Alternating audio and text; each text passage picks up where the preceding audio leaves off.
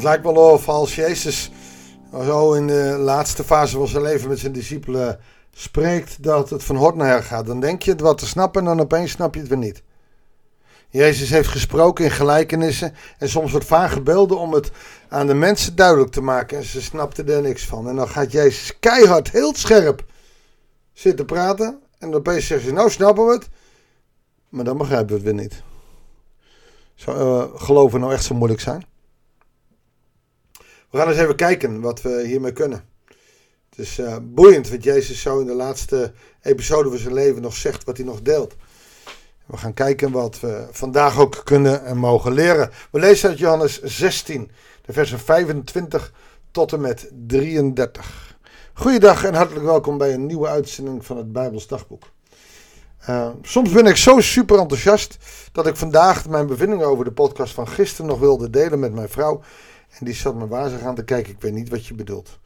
Waarop ik zei, ach meis, luister dan maar naar de podcast. Maar ik was zo enthousiast over de vondst van het aanschouwen en het zien. Hoe diep de Griekse tekst soms ook is.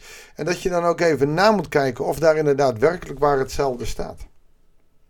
En weet ik wel, in de Bijbelse vertaling het woord aanschouwen, dat, dat schouwen is al niet meer een, gangbaar Nederlands woord. Dus kijken en zien is daar wel uh, het, het, uh, het echte woord. Alleen je mist dan in de vertaling opeens de diepte van een tekst.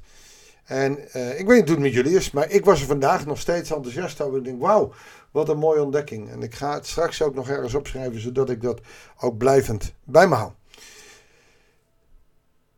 Dat is een haarscherpe vertaalslag. Maar Jezus blijft zo vaak in beelden hangen. En dat zegt hij ook. Ik heb jullie dit alles in beelden verteld.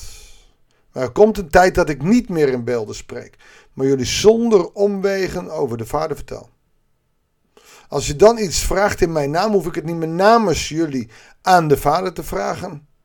Want de Vader zelf heeft jullie lief, omdat jullie mij lief hebben en geloven dat ik van God ben gekomen. Waarom is het nou zo belangrijk dat hij hier zegt? Um, nou, dat heeft te maken met het Joodse geloof. De Joden die uh, wouden bidden tot God, deden dat via de priester, de hoge priester. Of in ieder geval de priester. Je kon naar de synagoge, je kon naar de tempel gaan. En uh, je verlangens als het ware uh, zeggen. En de priester die was dan de mediator tussen jou en God. Het was de priester die de offers bracht. Dus als jij een verzoeningsoffer moest brengen, dan gaf je je geitenbokje aan de priester. Hij slachtte het. Die haalde volgens een klein deel voor zichzelf eruit. Want ja, hij moest ook eten. Zeg maar de tiendes voor de tempel. En vervolgens uh, offerde hij dan. En daarmee was de bemiddeling gelukt. Het gekke is dat eh, toen Jezus stierf aan het kruis, is dat voorhangsel gescheurd. Om de weg naar de Vader rechtstreeks te openen. Maar tot zijn kruisdood was niet de priester, maar was Jezus de bemiddeling tussen ons en God. Maar hij zegt ook die bemiddeling gaat er nu uit. Je kunt rechtstreeks met God praten. Je krijgt rechtstreeks contact. Dat is wennen voor de discipelen, want ze waren gewend, als ze wat hadden, dan moesten ze naar de priesters gaan. En nu was hij Jezus en dan konden ze mooi via Jezus en nu staan ze er alleen voor. Natuurlijk staan we er niet alleen voor, alleen ze realiseren zich dan nog niet dat zij de geest krijgen. Daar heeft Jezus wel over verteld. Ja, dat is makkelijker gezegd dan gedaan. Uh, wat betekent dat eigenlijk voor mij? Maar goed, hij zegt het nu scherp. Hij gaat niet meer in beelden, maar hij gaat uh, duidelijk zeggen. Hij zegt: Ik ben bij de Vader vandaan gegaan om de priesters als het ware te vervangen om de opening naar de Vader te brengen en naar de wereld gekomen. Nu verlaat ik de wereld weer en ga ik terug naar de Vader. Hij wordt weer één met de Vader. Filippenzen 2, uh, God die, het, uh, die zich ontleedt en als mens naar de wereld komt. Uh, hij heeft als het ware een, een, stuk menselijkheid of een stuk goddelijkheid afgedaan in de menselijke vorm naar de wereld gekomen.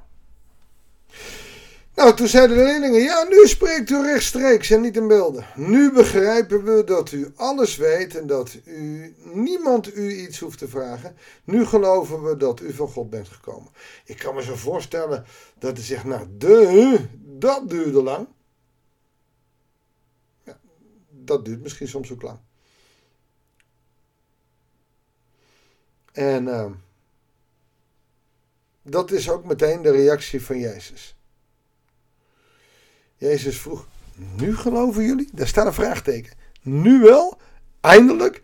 Jongens, ik ga bijna sterven. Uh, happy, clappy, fijn dat je nu snapt. Maar je snapt er helemaal niks van. Want er komt een tijd. En die tijd is er al. Zie je dat? Het, het reeds en nog niet. Er komt een tijd. Dat is nog niet. En die tijd is er al, reeds. Uh, het reeds en het nog niet is, is voor ons ook heel belangrijk. We vieren Goede Vrijdag. Dat is reeds gebeurd. Maar de uitwerking is nog niet helemaal. Het moet voor ons nog gaan uitwerken. Maar die tijd is er al dat jullie uiteengejaagd worden. Dat ieder zijn eigen weg gaat en mij alleen achterlaat. Bon, echt niet. En dan hoor je Petrus meteen weer, ja, ze gaan het wel doen. En dat geldt ook voor heel veel christenen. Als puntje bepaaltje komt, als wij bij wijze spreken met een pistool op ons hoofd staan, zal je dan nog erkennen dat jij een kind van Jezus bent? Dan kan je heel stoer nu zeggen, ja, ga voor jezelf eens na of dat onder alle omstandigheden zo zou zijn. En dat is, dat is niet een vraag die meevalt, want we weten het ook gewoon niet. Vandaag werd ik bemoedigd. Ik uh, was in gesprek met een aantal Oekraïense mensen en uh, ook met wat mensen uh, van Jeugd met Opdracht die in Oekraïne waren geweest de afgelopen weken. En de christenen daar, die bemoedigen elkaar enorm. Er zijn heel veel mensen die tot geloof komen. En die juist nou weer door alle ellende, helaas moeten door ellende, uh, Jezus weer vinden. En dat mensen elkaar weten te bemoedigen door het evangelie. Dat, dat raakt me heel diep. Dus er komt een tijd dat ik terugkom, maar die is nu nog niet. Dat reed ze nog niet. Maar in deze tijd, wees met mij bezig. Ga niet dimdammen over welk liedje en welke kerk het beste is. Ga mijn naam groot maken. Heb respect naar elkaar. Waarom? Ik heb dit alles gezegd opdat jullie vrede vinden bij mij. Er komt een verdeeldheid. Zelfs binnen de kerk is en komt een verdeeldheid. Maar ik zeg jullie dit. Het zal gebeuren, maar jullie moeten vrede vinden in mij. Dus als je ruzie hebt met anderen over het geloof, weet dan, in Christus zul je shalom krijgen. Jullie zullen het zwaar te verduren krijgen in de wereld, maar houd moed. Ik heb de wereld overwonnen. Hiervoor zegt hij het al, ik zal hem overwinnen. Hoe doet hij dat? Door de dood, waar we allemaal bang voor zijn, waar, we, eh, waar niemand van ons aan ontkomt, door die te overwinnen. Hoe cool is dat? Is toch fantastisch, toch geniaal? Hij heeft het voor ons bewerksteld. Gestel, bewerkstellig, nou ja, je weet wel. En, en, en hij heeft het voor elkaar gemaakt.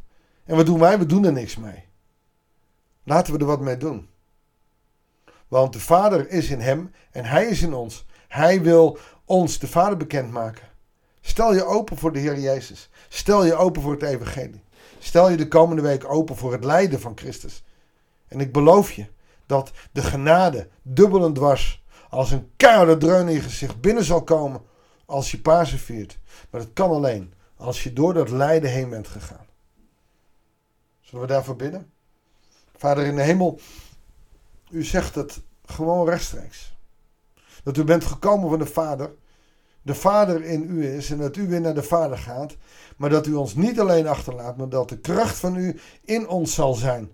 Heere God, en dat we daardoor ook uh, verbonden mogen blijven met u. Heer wil ons inzicht geven in dat stukje geloof. Ook hoe we dat kunnen delen. Heere God, dat hoeven we niet met bijbelversen te doen. Maar dat moeten we laten voelen aan de mensen om ons heen. Heer, help ons door de kracht van uw geest. Om zo missionair werkers te zijn in een land waar zoveel godloosheid is. Heer, dat wij uw naam mogen loven, eer en prijzen. En dat andere mensen naar ons mogen zien. Die doet raar. Wat is er aan de hand? Heer, zegen ons zo. In Jezus' naam. Amen. Ga met God. Zijn zegen zal op je rusten. En probeer het evangelie met eigen woorden aan de man te brengen. Hij gaat met je mee. Hij zal je daarin zegenen. Opdat mensen weer tot geloof mogen komen. Want dat is wat hij wil. Het liefste wat hij wil. Jou gebruiken om zijn naam groot te maken. Veel zegen en heel graag tot de volgende uitzending van het Bijbelsdagboek.